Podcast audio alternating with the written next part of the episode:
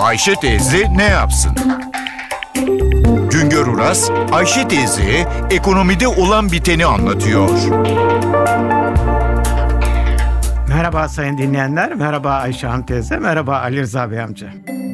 Merkez Bankası'nın temel amacı fiyat istikrarını sağlamak ve sürdürmektir. Faiz, fiyat istikrarını sağlamak için kullanılabilen en önemli silahtır. Her ülke kendi ekonomisinin durumuna göre faiz silahını farklı biçimde kullanır. Şimdilerde sanayileşmiş ülkelerde merkez bankalarının derdi ekonomiyi harekete geçirmek, işsizliği önlemek. Bu ülkelerde enflasyon ve büyüme oranları düştü. Piyasaya bolca para akıtıldığı halde bu parayı harcayan yok. O nedenle sanayileşmiş ülkelerde merkez bankaları faizi sıfıra kadar geriletti. Bekleyiş paranın harcanarak ekonomilerin canlanması. Türkiye'nin özel bir durumu var. Bizde iç tasarruf düşük. Dışarıdan döviz girişinin devam etmesi gerekiyor. Faiz ucuz olduğunda içeride ithalata dayalı tüketim artıyor.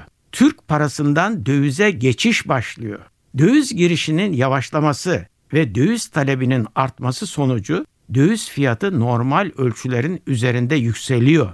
Döviz fiyatı yükselince de maliyet artışlarına dayalı olarak enflasyon sorunu ortaya çıkıyor. Merkez Bankası faizi hızla aşağı çekemiyor. Çünkü faiz indirildiğinde iş talep canlanacak. Döviz fiyatının yükselmesine bağlı olarak ithalat artacak. Cari açık büyüyecek. Talep enflasyonu sorunu ortaya çıkacak. İşte bu nedenle Merkez Bankası faiz silahını çok dikkatli kullanmak zorunda.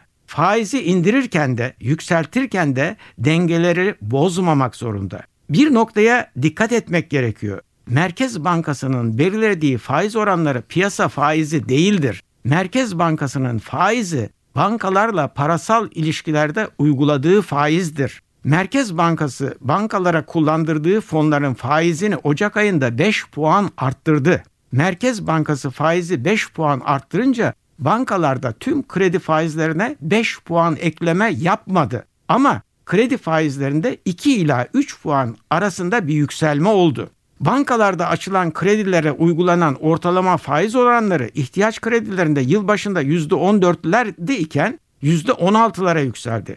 Konut kredilerinin yıllık faizi %11'lerde iken %13'lerde dolanmaya başladı. Ticari kredilerde faiz %12'lerde idi, %15'lere yükseldi. Şimdilerde %13'lere kadar da geriledi.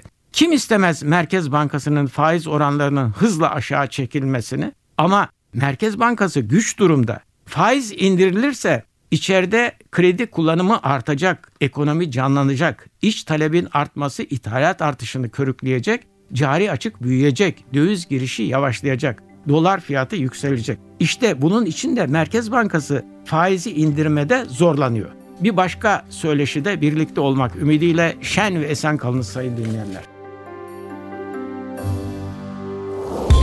Güngör Uras'a sormak istediklerinizi ntvradio.com.tr adresine yazabilirsiniz.